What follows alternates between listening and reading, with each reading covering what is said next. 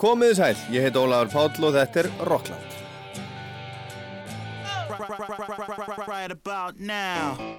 Þið auglýsið hitt og annað, hérna hitt og annað sem svo aldrei kemur. Það var bara ekki auglýst, það var auglýst hvennasöng.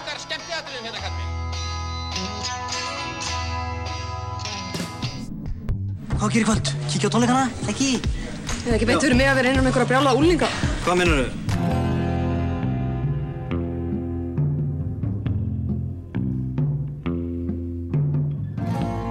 Rockland dagsins fer hinga á þongað, ég segi það satt. Iggy Pop og Stooges koma við sögu en, en uh, kvikmyndalegstjórin Jim Jarmus er búinn að gera heimildamynd um, um Stooges sem að heitir Gimme Danger. Bíóparadís allar að sína hana, að sjálfsögðu. Pixies kemur við sögu þættunum Paul Simon, Peter Gabriel, Van Morrison, nokkri fulltrúar eldri drengja, já og Bob Weir úr Grateful Dead og Hope Sandoval úr Massey Starr og fleiri og svo förum við til Sviss og heyrum þar í náunga sem að heitir Julian Gross og starfar við, fyrir tvær stærstu tónlistarháttíðarnar í Sviss. Label Swiss sem að var í gangi núna um daginn í Lausanne og svo Paleo Festival sem að var í sömar hann segir okkur meðal annars frá þessum háttíðum og við kynnumst Björk þeirra í Sviss ungri konu sem að heitir Sophie Hunger. Svissneska hljómsveitin Yellow, duetin Yellow kemur líka við sögu en það var að koma út ný plata með, með því fyrirbæri En byrjum hérna svolítið langt uh, í gamla daga á Bítlagarki.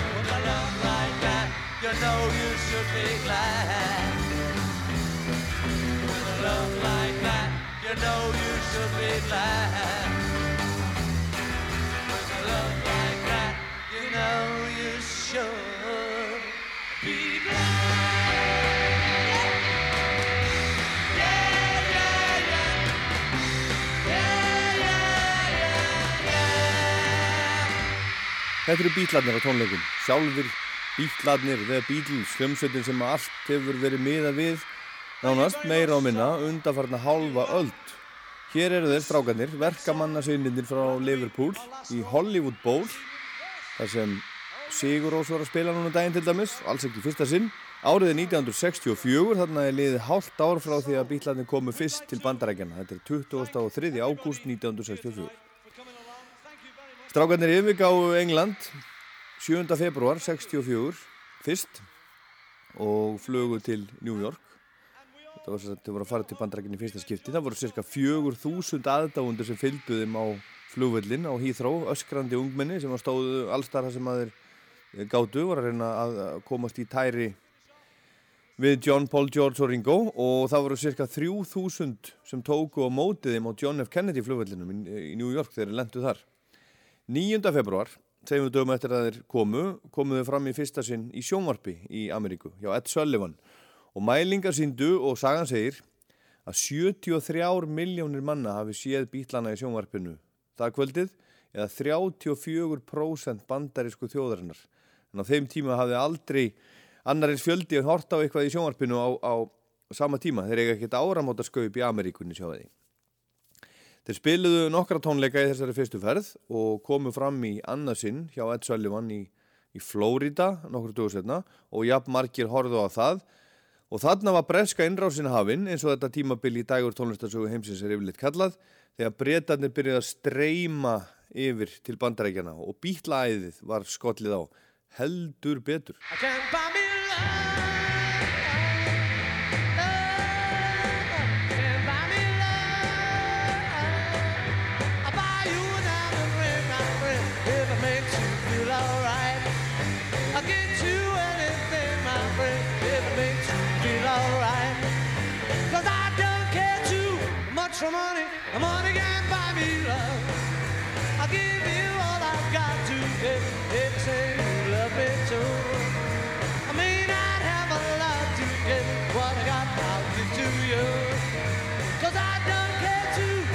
for money, money can't buy me love, can't buy me love. Everybody tell me so, can't buy me love. No, no, no. no. Say you don't need no diamond ring, and I'll be satisfied. Tell me that you want the kind of thing that money just can't buy. Cause I don't care too much for money. Money can't buy me love.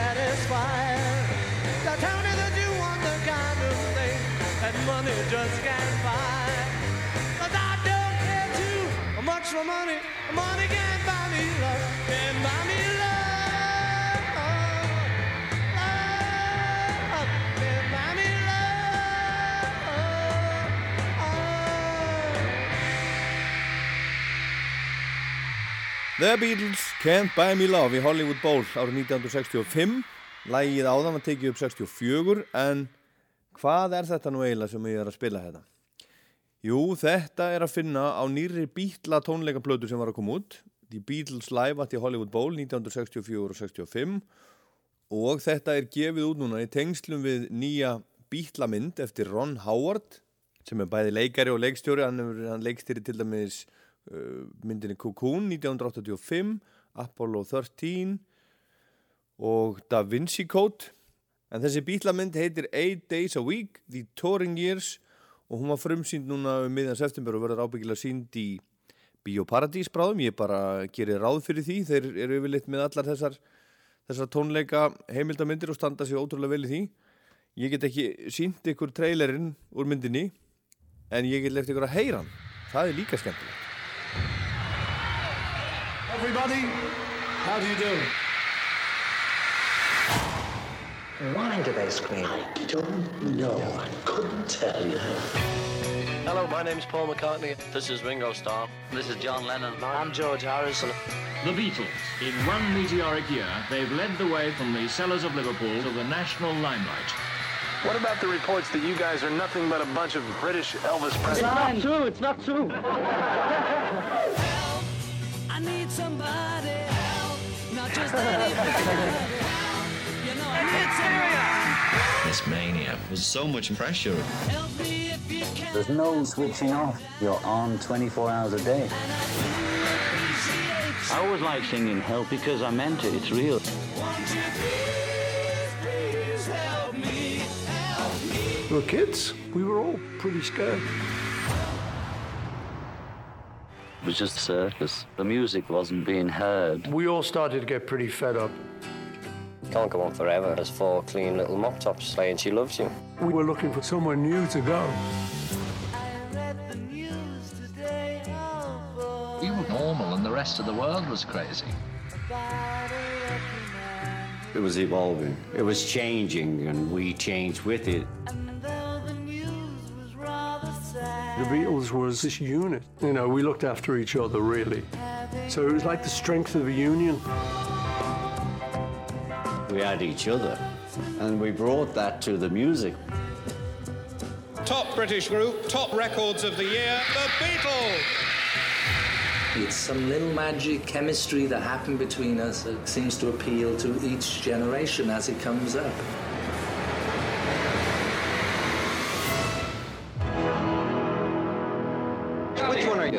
Eric. Eric?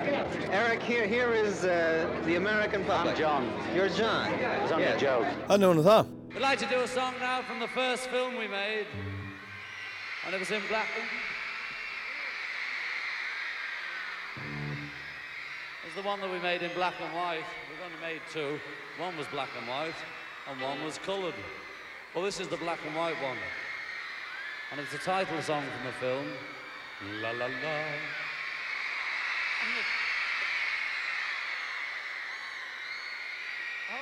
Great. And it's called Hard Day's Night. It's been a hard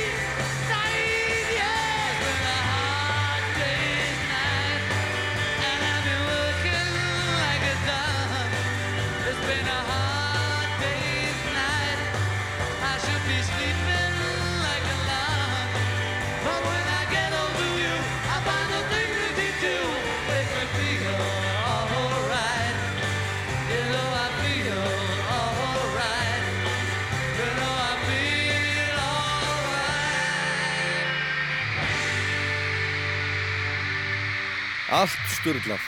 Hard Day's Night, bítlarnir 1965. Þetta bítladót í Hollywood var ekki að koma út núna í fyrsta skipti nema að, að hluta. Ef þið rennið yfir bítlaplötunar, þeir sem að eigið þær eða, eða þekkið, er engin tónleikaplata þar. Rolling Stones hefur gefið út margar tónleikaplötur og það er fyrst, fyrstu kom út fyrir löngu, löngu síðan.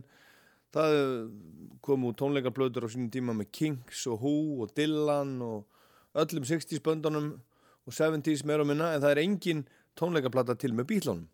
Tónleikaplötur byrjuðu reyndar ekki að koma út svona almennilega fyrir en eftir að bítlarnir hættu að koma fram á tónleikum 1966 í ágúst en það stóð til að gefa út tónleikaplötu með bítlunum þarna í miðju æðinu 1964 og þess vegna voru þessir tónleikar í Hollywood Bowl í Kaliforníu teknir upp 64 en upptökurna þótt ekki nóg góðar og þess vegna var reynd aftur árið eftir 65 þá voru teknir upp tvennir tónleikar 29. og 30. ágúst En það var sama sagan, það var svo mikið læti í eh, áhörfundum, tónleikagestum og uh, það þótti skemma upptökurnar og þetta var ekki nógu gott, þótti ekki nógu gott og þetta var ekki gefið út fyrr en árið 1977 þegar bítlarnir voru löngu hættir.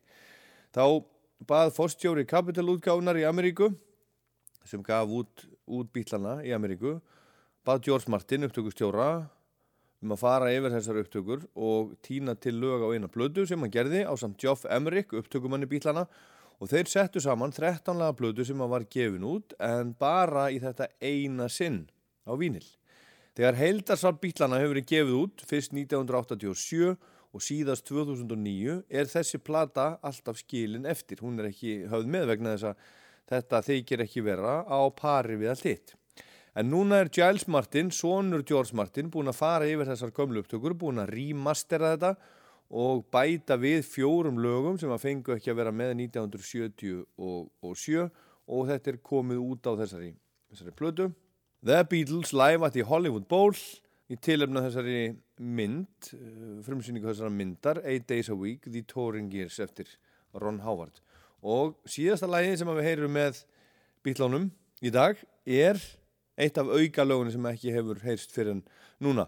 Þetta er svo sem engin snild en þetta er vitnisspörður og heimildum bítlana í Ameríku og hátindi bítlæðisins þegar tónleikamenningin í heiminu var ekki lengra komin eins og að tónleikagestir heyrðu saman og ekkert í hljómsveitinni. Hljómsveitin var langt í burtu, hljóðkerfi var lélegt, það var engir, engir skjáir, engin almennileg ljós og ekki neitt og þetta var bara algjörðu ruggl. Hljómsveitin heyrði var alltaf í sér á sviðinu fyrir öskrum í unga fólkinu sem hafa komið til að sjá þá frekar en að heyra.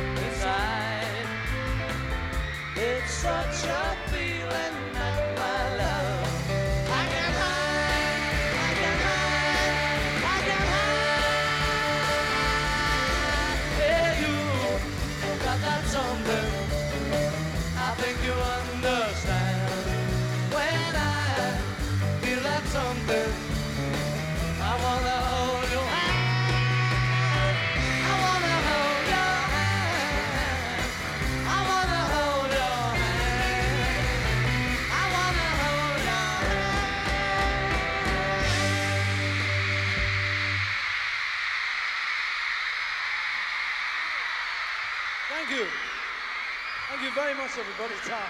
This is Jim James from My Morning Jacket and you're listening to Rockland on Icelandic Radio. Við skulum fara strax aftur í bíó eða hlusta á bíótrailer eins og hann. Myndin heitir núna Gimme Danger. If I hit here, you'll get all three cameras. We ready? We are in an undisclosed location interrogating Jim Osterberg about the Stooges, the greatest rock and roll band ever. Iggy and the Stooges reinvented music as we know it. We weren't like the other bands. a feeling come over you with this great sound that we're making. And sometimes I would just hammer on my guitar. I just start jumping up and down like baboons do before they're going to fight. As soon as I started doing that,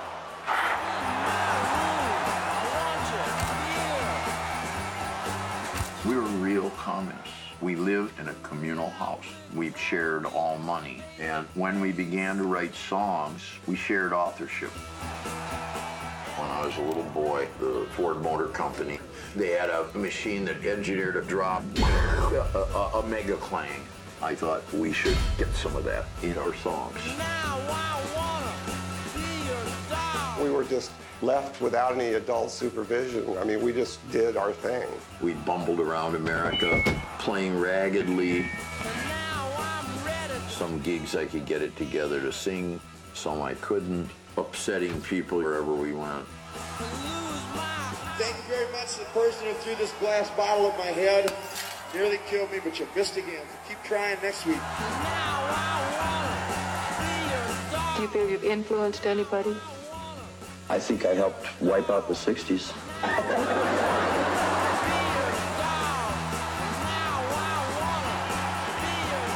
I don't want to belong to the glam people, alternative people, to any of it. I don't want to be a punk. I just want to be.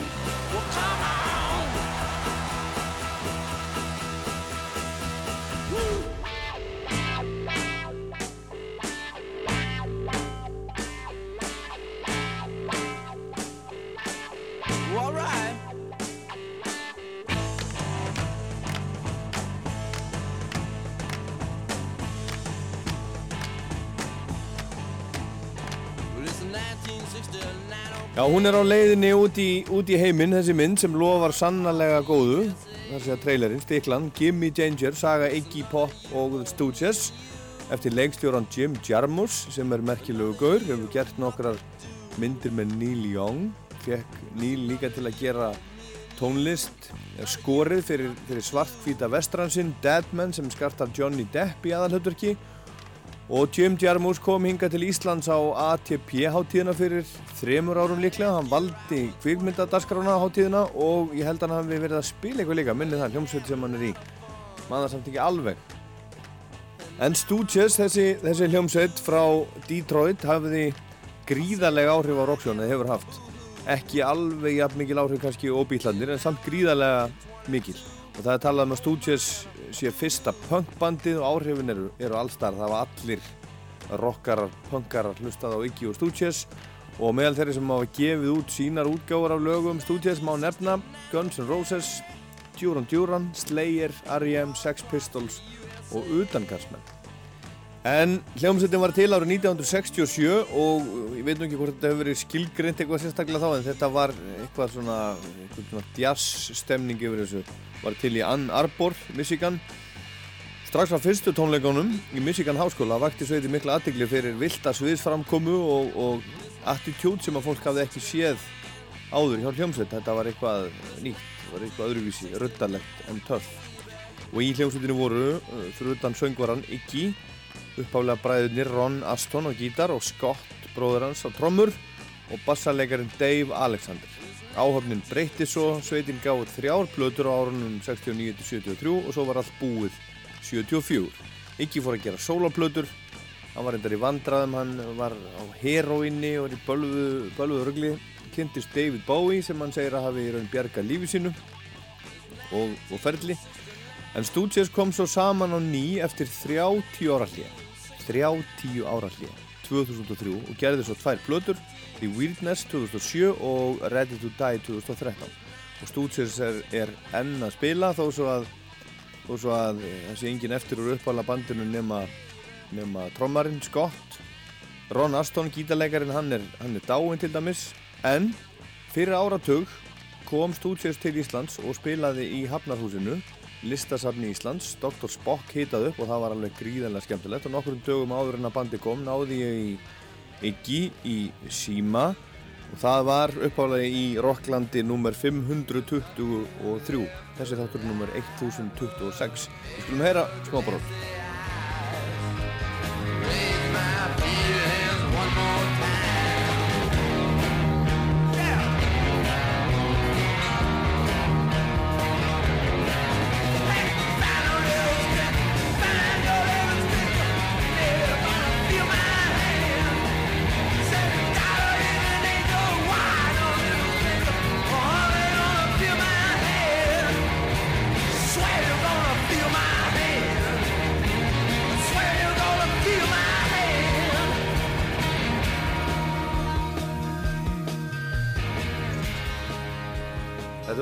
hrátt og ruddalegt Iggy and the Stooges og lagi Gimme Danger á þriðju plötunni Raw Power frá 1973 og þessi plata seldist ekkert frekar en hinnar tvær fyrri plöturnar með sveitinni en þetta er masterpiece eins og þær eru reynda líka.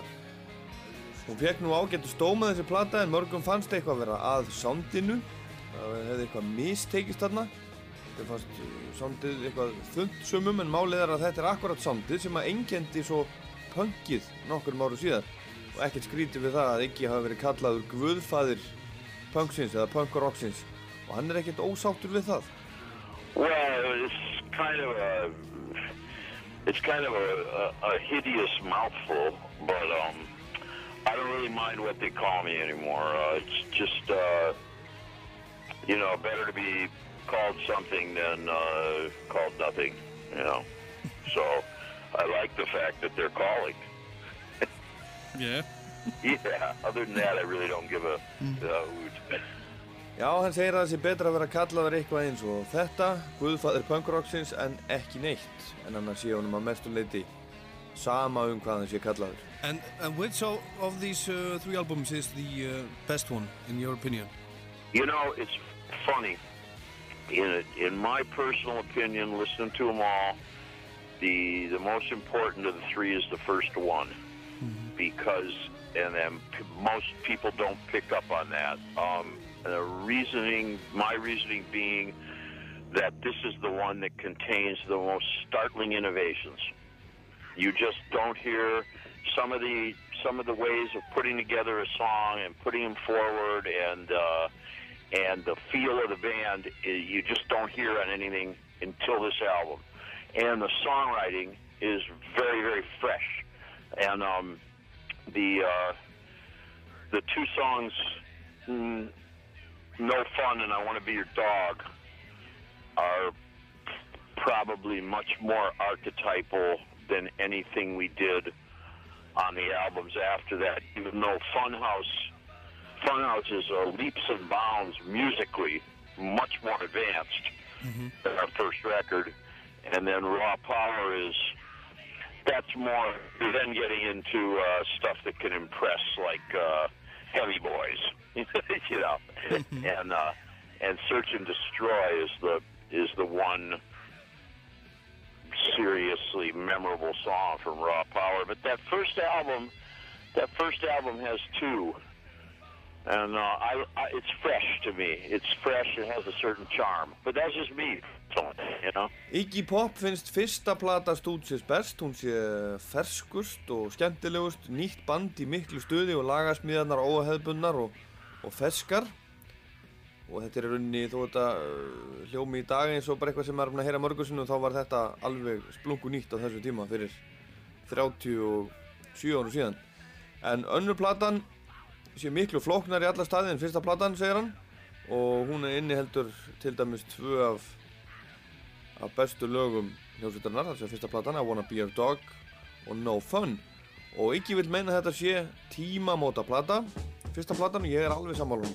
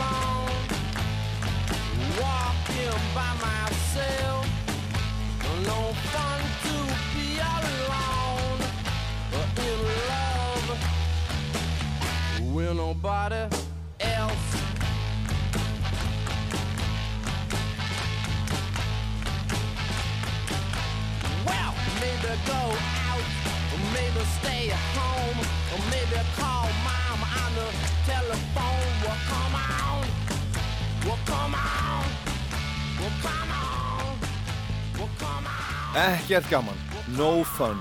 Iggy og Stooges og eitt aðalægið af fyrstu blöðunni The Stooges frá árinu 1969 Sex Pistols spiluðu þetta stundum í gamla daga og oft á tónleikum og tóku þannig ofan fyrir Iggy og félögum.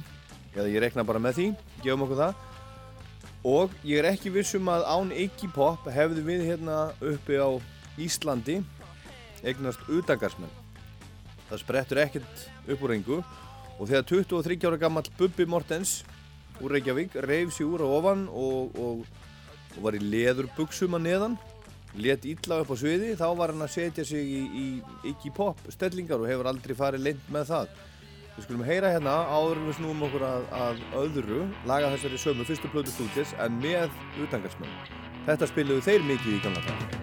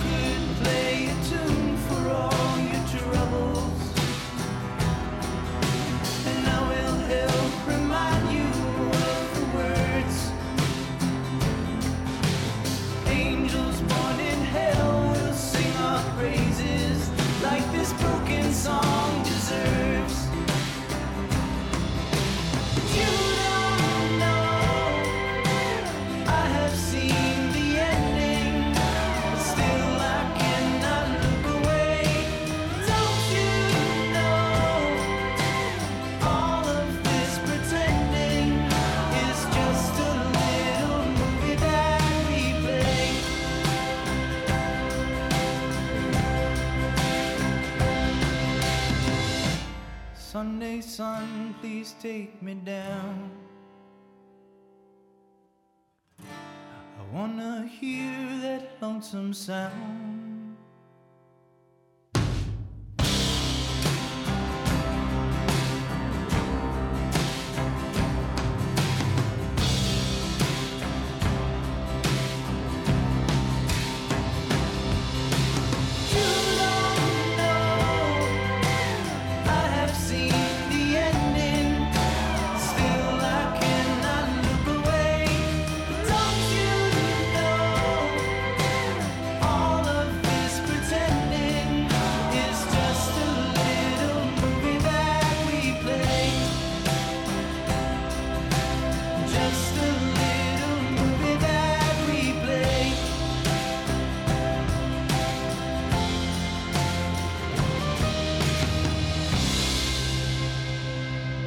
Þetta er splungu nýtt, þetta er náungi sem heitir Aron Lee Tasjan, lægi heitir Little Movies og þetta er náungi frá, frá Ohio sem að sem að byrja að spila á gítar 11 ára gammal þegar hann heyrði í Oasis.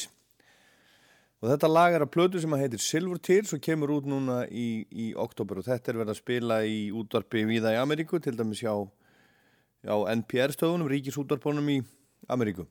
En það var að koma út ný plata með, með Pixies gömlu góðu Pixies. Við skulum heyra eitt lag á henni og svo strax annað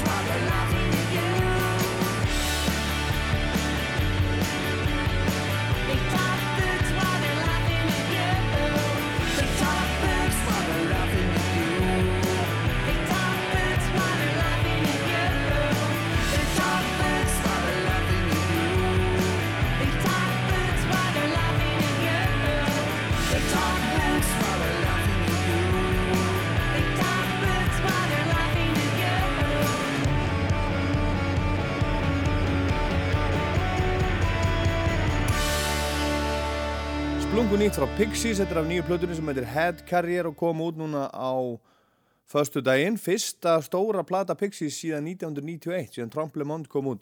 Það kom út plata 2014 sem heitir Indie Cindy sem var jú talað um sem svona nýja breyðskifu en það var í rauninni verið að setja það saman þrjár EP-plötur í eina, eina stóra. Þetta er satt fyrsta breyðskífan sem er unni sem slík síðan 1991 það er ansi langu tími liðin síðan þá þetta lag heitir Classic Masher og Frank Black fóringi Pixies var í viðtali hjá BBC Six Music núna um daginn og, og, og þar var hann að tala meðal annars um hittlægi sem ég ætla að spila af nýju plötunni Það heitir All I Think About Now og þetta lag syngur nýji bassarleikarin í hljómsveitinni, Paz Lansentín. Hún uh, er í rauninni, hún kom ekki beint í staðin fyrir Kim Deal, hún kom í staðin fyrir, fyrir, uh, fyrir bassarleikaranstelpuna sem, sem tók við af henni. En hún syngur þetta lag og það var til á svolítið skemmtilegan hátt vegna þess að, að hún var heima að æfa sig fyrir eitthvað, lag að búa til bassarlínu fyrir eitthvað lag sem að Frank Black var búin að semja. Og það var einhver miskilningur þannig að þetta uh, einhvern veginn passaði ekkert við lagið. Þannig að hann skoraði á hann að, að bara gera lag úr þessu sem hún samþitt en, en hún sagði ég skal gera það ef að þú semur texta við þetta. Hann sagði ok, ég skal semja textan ef að þú segir mér um hvað hann á að fjalla. Og hún sagði já, ég vil að textin fjalli um semja lag um Kim Deal. Bassarleikaran sem var í hljómsveitinni var leikil maður í Pixies á öllum bestu blötunum hún sagði, semdu lag eða semdu texta um Kim Deal svona eins konar þakkarbref eins og var að skrifa svoleiðis bref til hennar. Og þetta lag er á blötunni All I Think About Now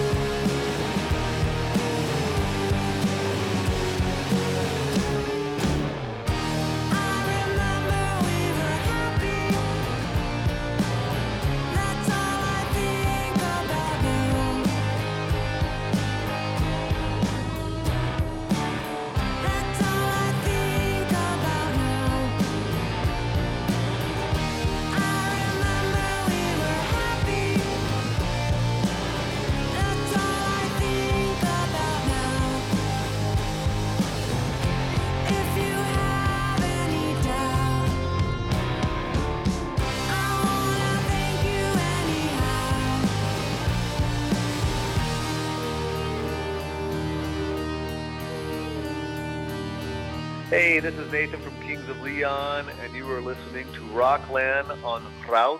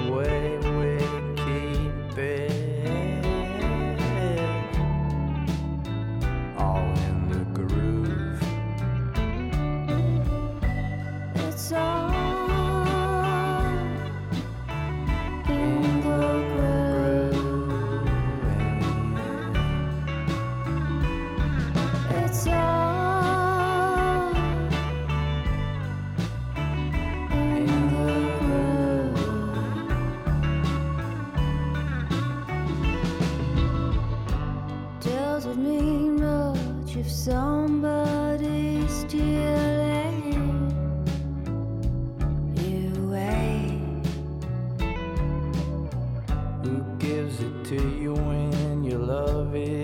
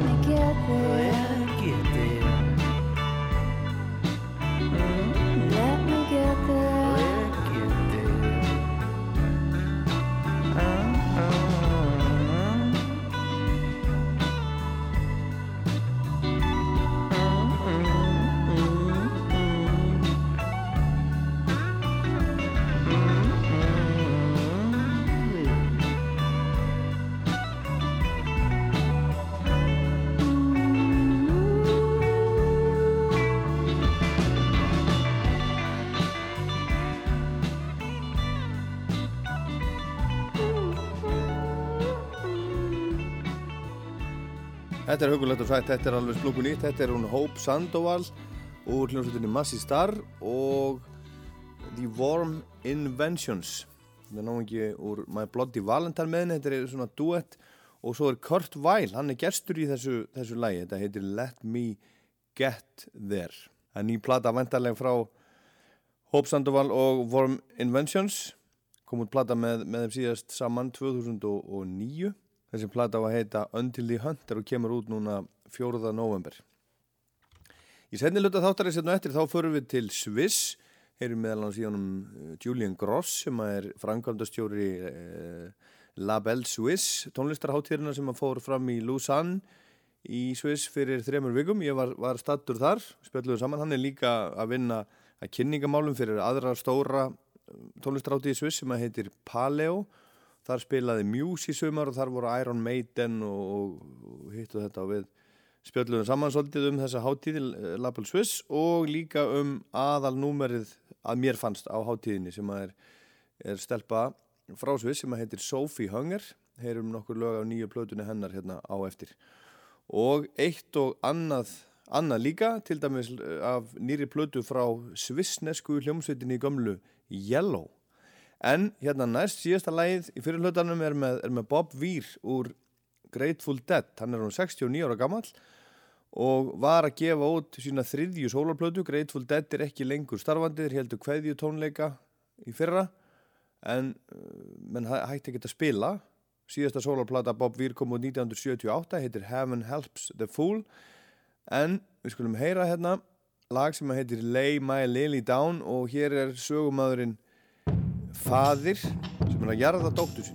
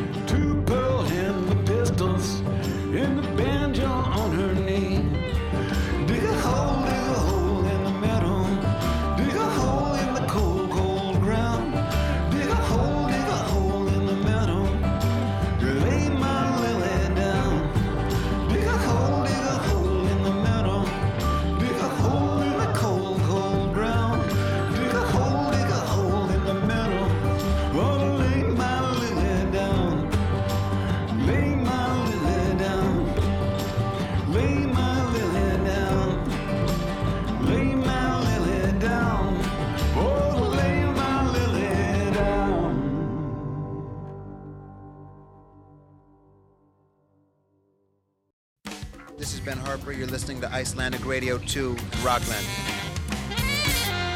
Já, komið þið sæl aftur. Þetta er Rockland, ég heit Ólafur Páll. Byrjum hérna setni hlutan á fulltrúa fullþroskara drengja. Hann heitir Paul Simon.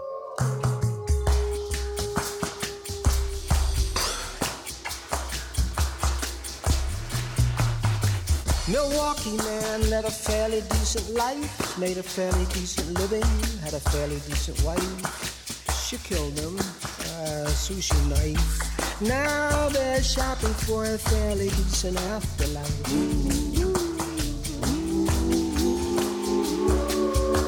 The werewolf is coming.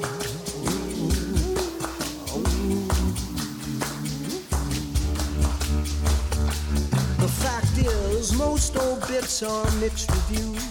Life is a lottery, a lot of people lose. And the winners, the grinners with money colored eyes, eat all the nuggets, and they order extra fries. The werewolf is coming, extra fries. The werewolf is coming, you know.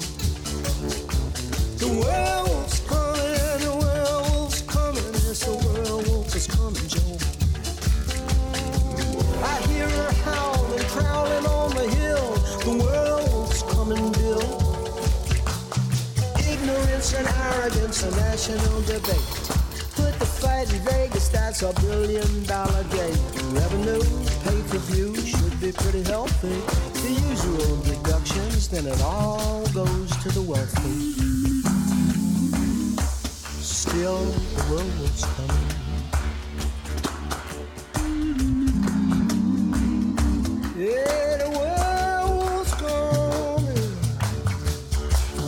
Complaining, just the opposite, my friend. I know it's raining, but we're coming to the end of the rainbow. The lion and the spying through. Oh, you don't know me? Okay, I don't know you too. The werewolf's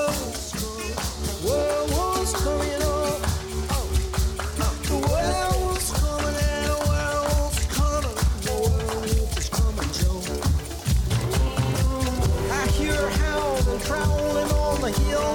The werewolves come and bill. You better stock up on water, canned goods off the shelves, and loot some for the old folks can't loot for themselves. The doorbell's ringing. Could be the elves, but it's probably the werewolf. It's quarter to twelve, and when it's midnight and the wolf bites, it's a full moon.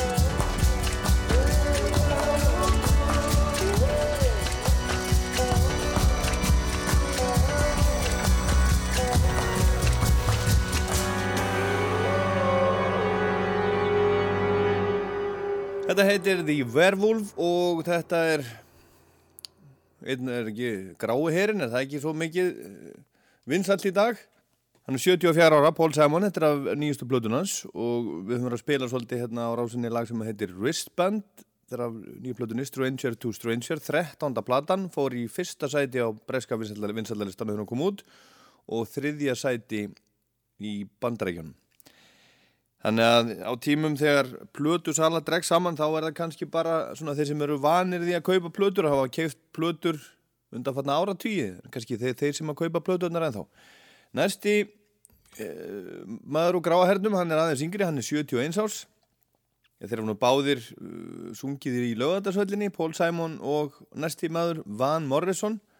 Hann er að senda frá sér uh, núna nýja plötu, uh, fyrstu nýju plötuna í fjögur ár og það er plata nr. 36 hjá honum 12 ný lög eftir hann og svo eitt lag sem að, sem að heitir Share Your Love With Me sem að hefur verið sungið af fólki eins og Arthur Franklin og Kenny Rogers til dæmis en Van Morrison er búin að vera svolítið duglegur í því á undanfötum árum að gefa út gammalt efni endur útgefa gamlar plötur og sapna saman það var til dæmis að koma út í fyrra gömul tónleikarplata sem var að koma út aftur með, með alls konar auka, auka lögum miklu meira á, á CD og DFFD en það er þess að nýplata, við skulum heyra hérna bara lagum við eitt á henni But I love the calling and the wishing well.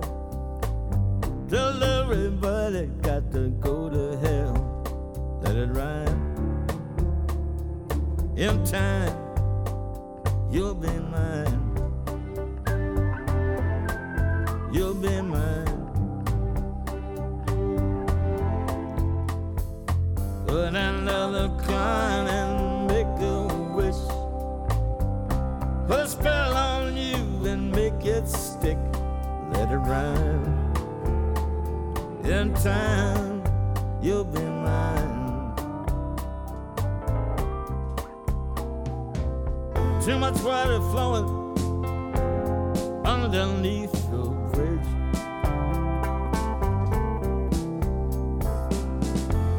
a world go by, contemplate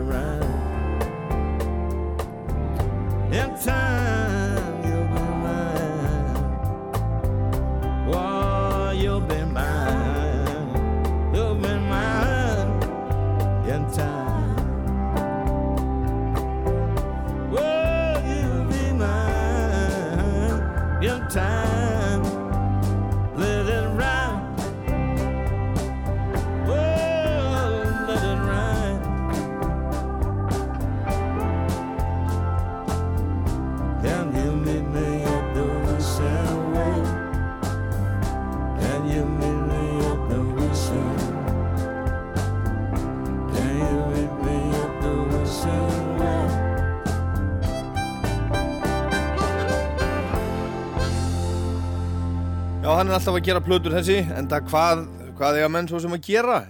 Ég held að fólk sem að vinnur við eitthvað svona, skemmtilegt, það vil ekkit, ekkit hægt að vinna. Þó að sé komið á einhvern ákveðin aldur. 71 árs Van Morrison, þetta er af nýri plötu sem er að, að koma út. 35. platan hans kom út í fyrra, þá, þá gerði hann duettaplötu sem heitir Reworking the Catalog, þar var hann að taka gömulög sem hann hefur, hefur um, sungið og, og breytið þeim í duetta og þau voru tekinu upp aftur og þar voru með honum Taj Mahal og Mark Knopfler, Chris Farlow, Steve Winwood, Georgie Fame, Natalia Cole, Mick Hucknall, PJ Proby, George Benson, Mavis Staples, Bobby Womack og, og fleiri. Og nú er það þessi plata, nýjasta platan, Keep Me Singing. Við viljum fá annað lag af henni árun og við förum svo til Swiss það sem er sungið yfirleitt á, já, á mörgu tungumálum uh, þísku, frönsku, ítölsku og rómans. Og ennsku stundum, hér er sungið á ennsku Van Morrison syngur yfirleitt á ennsku frá Belfast, Íri, Rauðherður sérstök típa uh, fúllindur hefur maður heyrt en maður ekki að trúa öllu sem maður heyrir. Every Time I See a River heitir þetta lag. Haven't heard your voice in quite a while. Haven't seen you dance or seen you smile. I can go days when nothing is wrong, but it just doesn't last very long. Every time I see a river.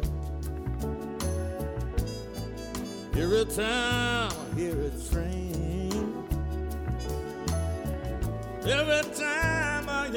sad song, it reminds me of what we had then. Every time I see a river, feel like I'm back in love again.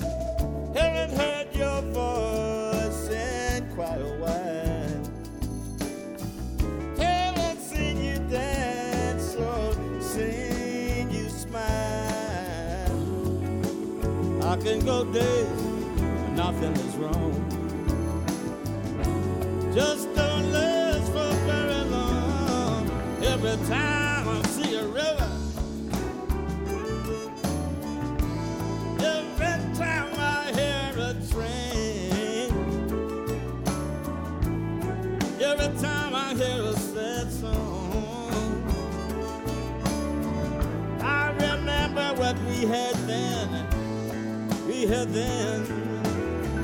Every time I see a river, feel like I'm back in love again. I just can't stand it no more. Can't stand it no more. Every time I see a river, running, running, running,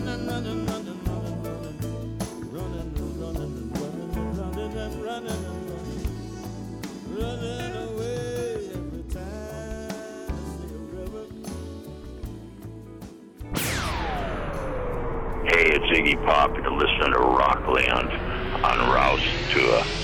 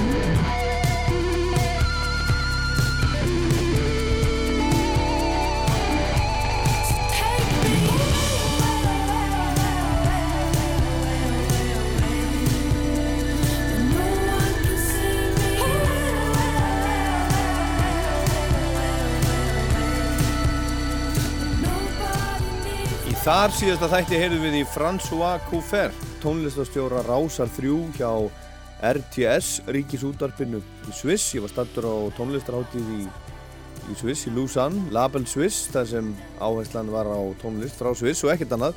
Svissners tónlist, sungin á þýsku, ítölsku, fransku, rómans og ensku. Og aðalnúmer hátíðarinnar var hinn hin svissneska Sophie Hunger, sem var verðlaunuð á hátíðinni við hátíðlega aðtöfn Hún er kannski, ég veit ekki, þeirra Björk. Við heyrum í henni hérna á, á, bakvið til laga af nýjustu plötunum sem að koma út í fyrra. En ég hitti hérna á hátíðinni og spjallaði við framkvæmdarstjóran Julian Gross og baða hann um að segja mér aðeins frá þessari tónlistakonu, Sophie Hunger, sem ég sá spila á aðalsviði hátíðarinnar kvöldi áður í miðborg Ljósan. Þetta var svona eins og ímyndu okkur ervefs og, og aðalsviðin eru bara á Lækjartorki. Hún var sem sagt á torkinu, úti. Sophie Unger, yeah. Um, she's um, a Swiss artist from uh, the Swiss German part. She's singing in uh, in, in English, and uh, she started his uh, her sorry her career in in, uh, in Lausanne a few years ago because the radio. Uh, the, the, the RTS, or the, the, the, the public service uh, of the, the French part of Switzerland, organi- organized um, uh, a showcase with, with her, and uh, that uh, participate to uh, her uh, career uh, career's uh, launch. So it, so it all, all started here? In Lausanne, and uh, her label is uh, is also in uh, in Lausanne. Uh, two gentlemen. And she sings in English, and she was singing in France. Yeah, exactly. German. Exactly. So she, she is coming from the the, the, the, the Swiss German part, but she uh, also uh, song, uh, sings some um, uh, songs from uh, Noir Désir, the, the the French band, and mo- most uh, in English. And she got the prize, the national prize of music. Uh, because her careers and what she brought to the Swiss music in terms of innovation and uh, her wide uh, opening to um, other uh, um, style of music also to her collaboration uh, she, she did with Eric Truffat for example the, the, the jazz man She seems to me I've, I've never seen her play before, and and it, it seemed to me that that she is she's like all, all over the place. It's like all styles, almost like a, a different act on stage in every song. You're right, yeah, and tha that's what I was saying. She she she innovates a lot, and she she's trying. She is uh, she's looking to uh, to to other uh, sounds, and uh, yeah, she, she's yeah, th- she she. mm, that that that that that was the, the burst artist two to, to, uh, two days ago to to uh, recompense for, for, for her careers uh, Yeah. in uh, and I think for for for Switzerland it's great to, to, to have that, that kind of artists uh, wide open to uh, to other styles uh, and that speaks al- al- also to uh, other people from outside Switzerland she, she the thing she's uh, singing in three languages that that helps. Já, hún Sophie Hunger er frá Þíska hlutasviss og RTS, Ríkisútarpið í Lausanne og stóran partí í hennar velgengni, segir hann Julian Gross, frangvandastjóri Label Swiss hátíðarinnar. Og hún syngur á ennsku og þýsku og frönsku í það minnsta. Og hún fekk hérna uh, svona uh, svissnesk tónlistavellun, heiðusvellun fyrir bæði uh, sína músík og samstarf við aðra, til dæmis jazzmúsikanta. Það var verið að afhenda þessi velun hérna á, á uh, fimmtudeginum á hátíðinni og allir voða fínir, fí- svona kjólföt og svoleiðis og fossetinn og alls konar. En ég saði við Julian að tónleikarnir hennar Sofí hefði komið mér á óvart, hún hafi verið einhvern veginn út um allt músiklega eins og, eins og margar söngkonur eða hljómsveitir í raunni og það er nú það sem að þau eru svona lukkulega með í Sviss, það er alls konar.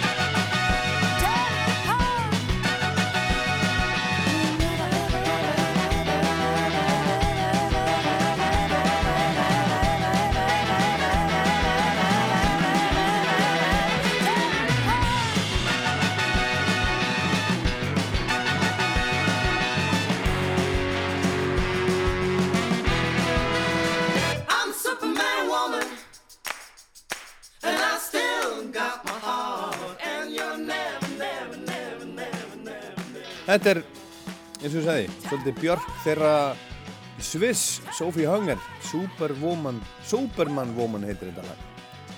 Og hún var að spila þarna á þessari hátíð, Label Swiss, sem hefur verið, að kynna tónlist frá Swiss engungu.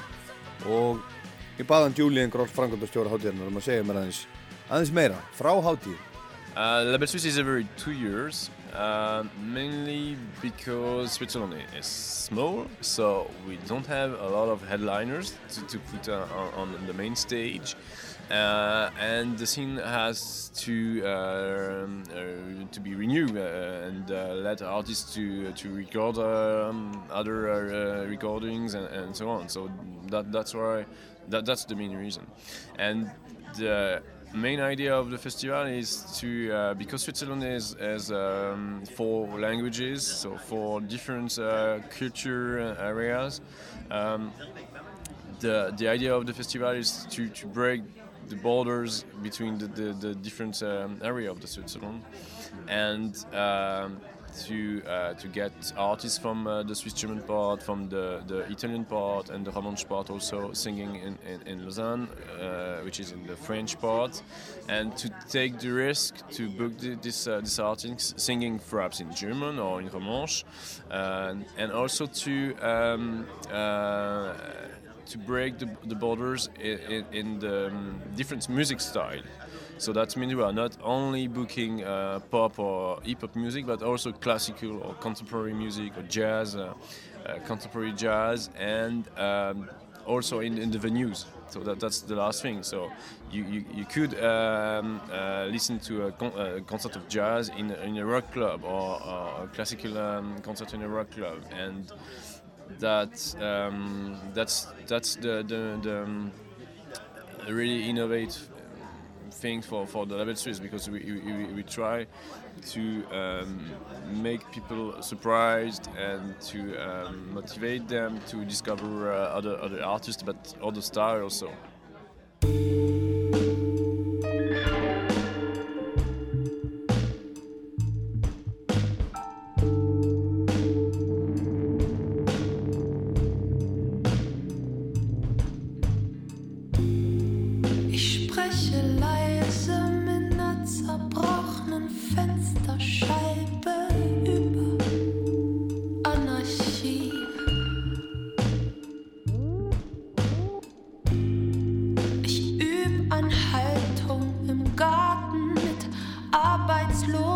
I call by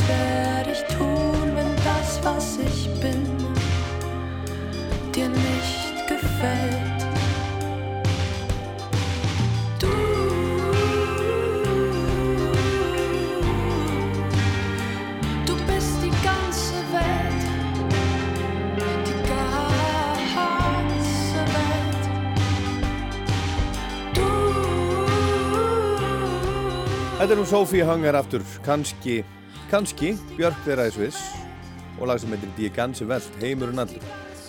En hann Julian Gross, framkvæmdastjóri, var að segja mér frá hátíðinni sem var í gangi hérna fyrir þremur vikum, Label Swiss, þar sem málið er að kynna svissneska tónlist, bæði fyrir erlendum gestum, eh, en ekki síst fyrir landsmönnum frá, frá öðrum landsvæðum. En í Sviss búa fjórar þjóðir, frekar þröngt, og tungumálinn sem eru, eru töluð eru fjögur. Það er þíska, franska, ítalska og uh, rómans. Og það getur verið erfitt fyrir hljómsveit sem gerir út frá þískumælandi Sviss að komast áfram og fá gig í franskumælandi hlutanum og svo framvegs. Yeah, I was I, was really proud to book Sophie Unger before she got the prize, so we were right in, in booking her. But I was also proud yesterday night in booking um, Patent Oxner. Uh, they sing in, in German on the main stage in the Swiss uh, French part, and I, I, I like showing showing that we take the risk to, to put a, a, a band not singing in English or in French uh, in Lausanne, and and that's show really what, what we try to do uh, with uh, Label allein gewesen und eine Flasche geholt. Stunden zählt in diesem viel zu grossen Bett. Und hab gesehen, wie sich die Welt wacker dreht.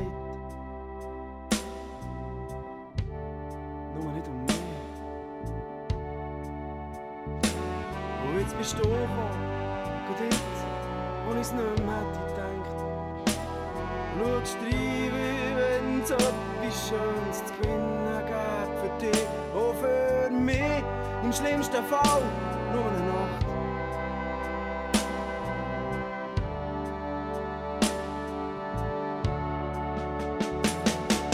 Ich baue mir meine Träume auf rund um dich und male sie scharlachrot an. Ich brenne mir die Namen mit in mein Herz. Könnt schwören, dass ich ewig bleibe, wenn ich's nicht dazwischen.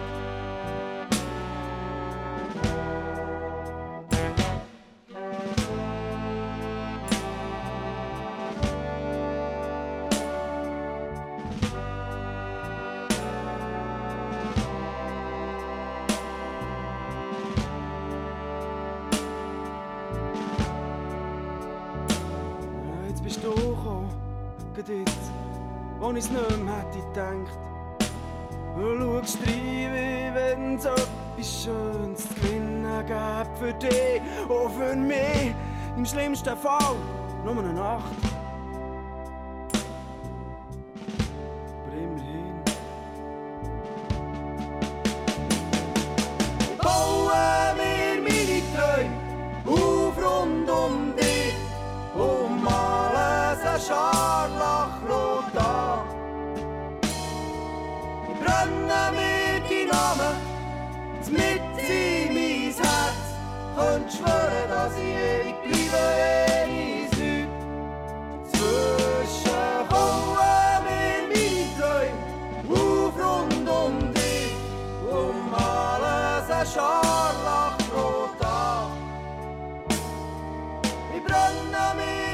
Namen mit in mein Herz.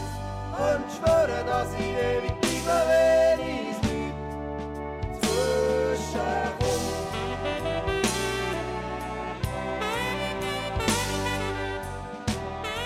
Þetta er dömur mínur og herrar hljómsveit frá Sviss sem að heitir Patent Oxner og hann var gríðal ánægð með það að Julian að hafa, hafa bókað þessa hljómsveit á hátíðina þetta eru frá, hljómsveit frá Þýskumælandi Sviss en í Lausanne er málið franska og, og RTS hérna Rástrjú hjá Ríkisútarpinu þar sem að stendur fyrir þessari hátíð á samt Lusanborg þar er tölu franska.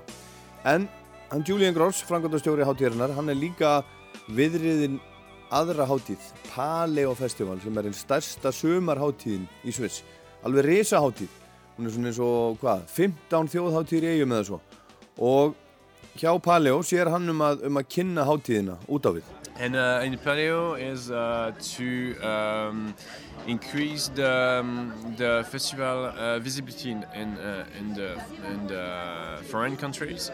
Uh, because Paleo is, is mostly well known in Switzerland, but not not not really uh, known in uh, the country, um, the European country, mainly because we are selling all our tickets uh, between Lausanne and Geneva. Uh, but for artists or um, label and agents, it's really important for, for Paleo to be also known uh, outside Switzerland. You had quite big acts this year. Yeah, we uh, we had Muse, um, uh, and uh, that was really special uh, this year because Muse played uh, f- around five times in five months in Switzerland. But it's all all their shows were sold out, and that was the first time with the Montreux Jazz uh, Festival, which is just a, a few days before Paleo. We shared the same headliner. So Muse played uh, first at Montreux Jazz with a special um, uh, concert just uh, for, for a small audience because uh, the, the, the, the venues in, in Montreux are much much more smaller than, than Paleo. And uh, two weeks ago, uh, two, sorry, two weeks after they, they played at Paleo, and uh, that was the first time we collaborate uh, for for for a headliner. It's a, Yeah. it's a, it was a great experience. Yeah. And and what other names did you have? The other names in Paleo?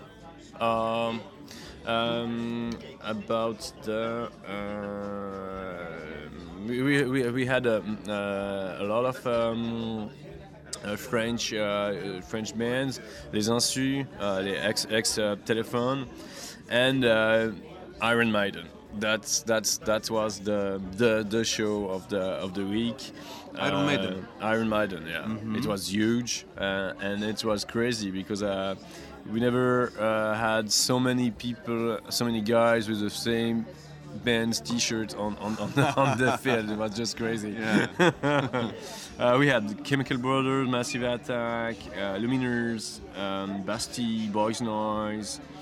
Uh, Jeff Ackley and uh, the French guys, uh, Birdie Nanam, and also LUVC, uh, who are playing in in, uh, in Label Suisse uh, tomorrow's night, which is a, um band uh, of uh, metal. And how many guests come to Paleo? Um, more than uh, 200,000 people uh, in six days. 200,000 people? Yeah, in six Wow. days. it's a big festival. Yeah, it's a, it's a big one. It's, the, it's the biggest one in, Yeah. in Switzerland. Yeah. And how is the how is the weather usually? Usually we Tell have me the we- truth. Yeah, usually we, we, we have rains Uh-huh. for sure, uh, but this, this year it was just exceptional. Uh, six days of sun. Six days of sun. Yeah, so that's why it's raining in, in Label Suisse. I'm, com- I'm coming next year. It's beautiful here. Thank you very much. Thank you. Now I'm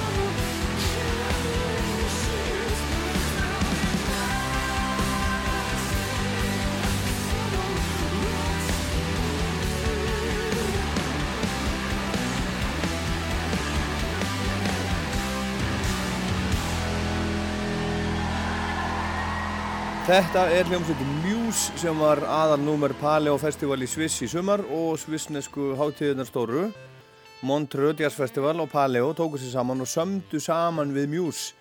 Hljómsveitin spilaði fyrst á Montreux og svo hálfum mánuðum setna spilaði hún á Paleo og svo var Iron Maiden á Paleo líka og fullt af flottum hljómsveitum Lumineers sem að Kaleo er að fara í tónleikaferð með núna, þeir að fara í svona Já, saman, það er engin aðal, það er bara svona hlið við hlið, hlið skiptist ekki á að vera aðalnúmerið. Massive Attack var á, var á Paleo, Chemical Brothers og fleiri og fleiri og gestir á, á hátíðinu voru 200.000, 6 dagar af tónlist og yfirleitt sól, saðan Julian Gross sem að segja frá þessu hérna á þann. En þessi upptaka með Muse var gerð í júni í fyrra, í Köln fyrra sumar. Þetta kom út á EP-plötu í september í fyrra, lagi heitir Mercy og er næst síðasta lagi sem Muse spilaði í lögadagsvöllinni núna í sumar. En áfram erum við í Sviss.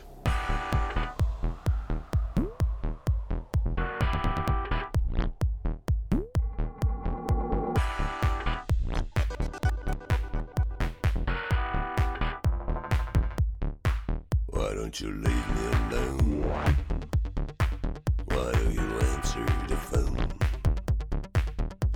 No clue where to go. Cause I'm in limbo. I'm in limbo. Why do you shake it, shake it? You got the kick that drives me mad.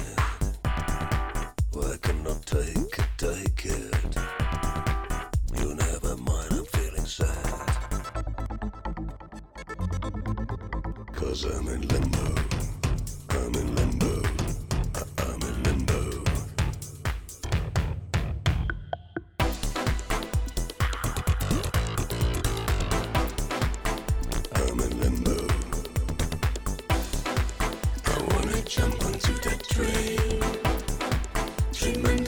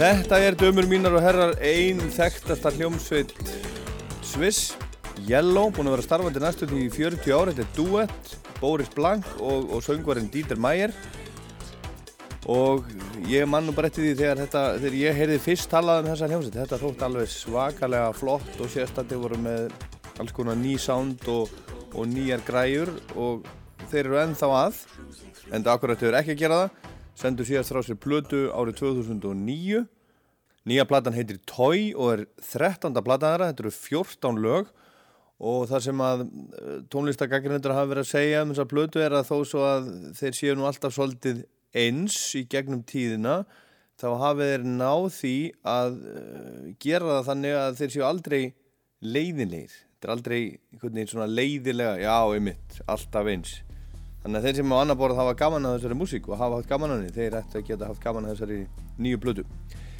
Lægin sem var enda heitir Limbo, við skulum fá eitt til viðbótar sem heitir 30,000 Days. Það eru margir dagar. The sun is shining in my eyes. The ocean is dark blue. I'm looking to eternity without any clue. And overnight, year is gone. From time to time, I had some fun. Will I ever trust me, letting me fall? Remote control, don't need it at all.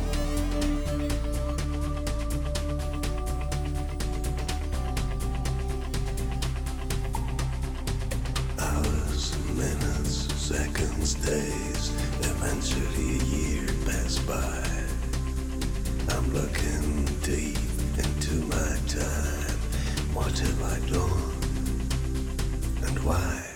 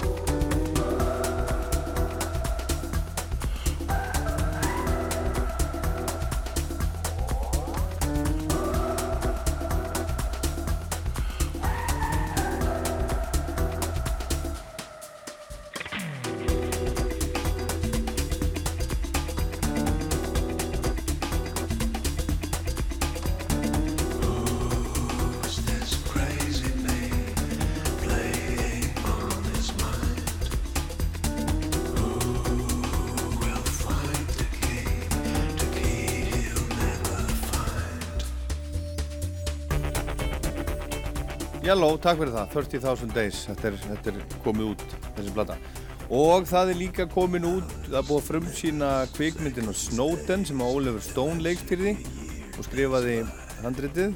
Og myndin segir sögu upp ljóstararans Edward Snowden sem var að vinna hjá NSA í, í bandarækjunum og ákvaða að byrta leynileg skjöl sem að síndu alls konar hluti sem að bandarækjastjórn var og er að gera en voru algjört leyndó og hann er búinn að vera síðan í, í djúbun skýt.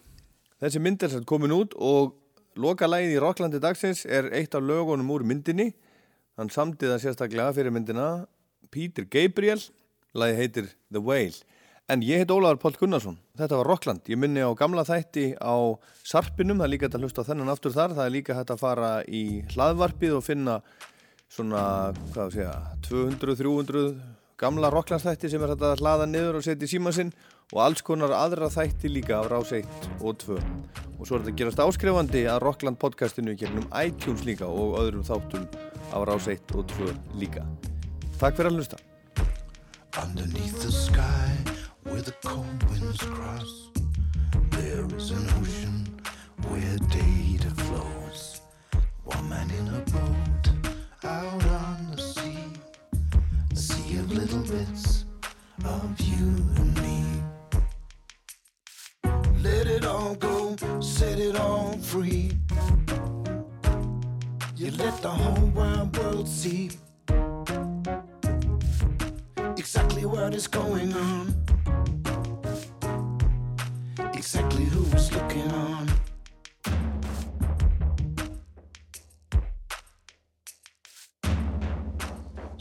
Start to leak, they color your name.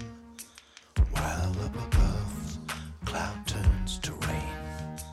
You can feel the touch of a hand you know well. It's a very long way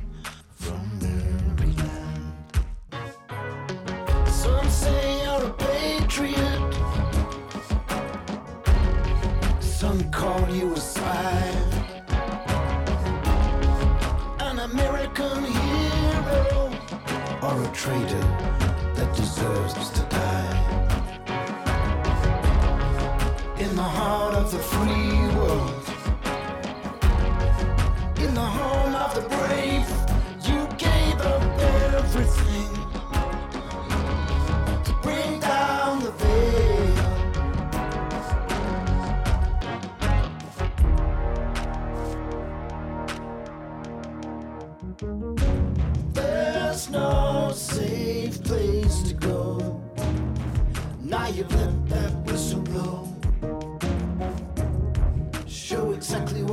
going on. Show exactly who is looking on.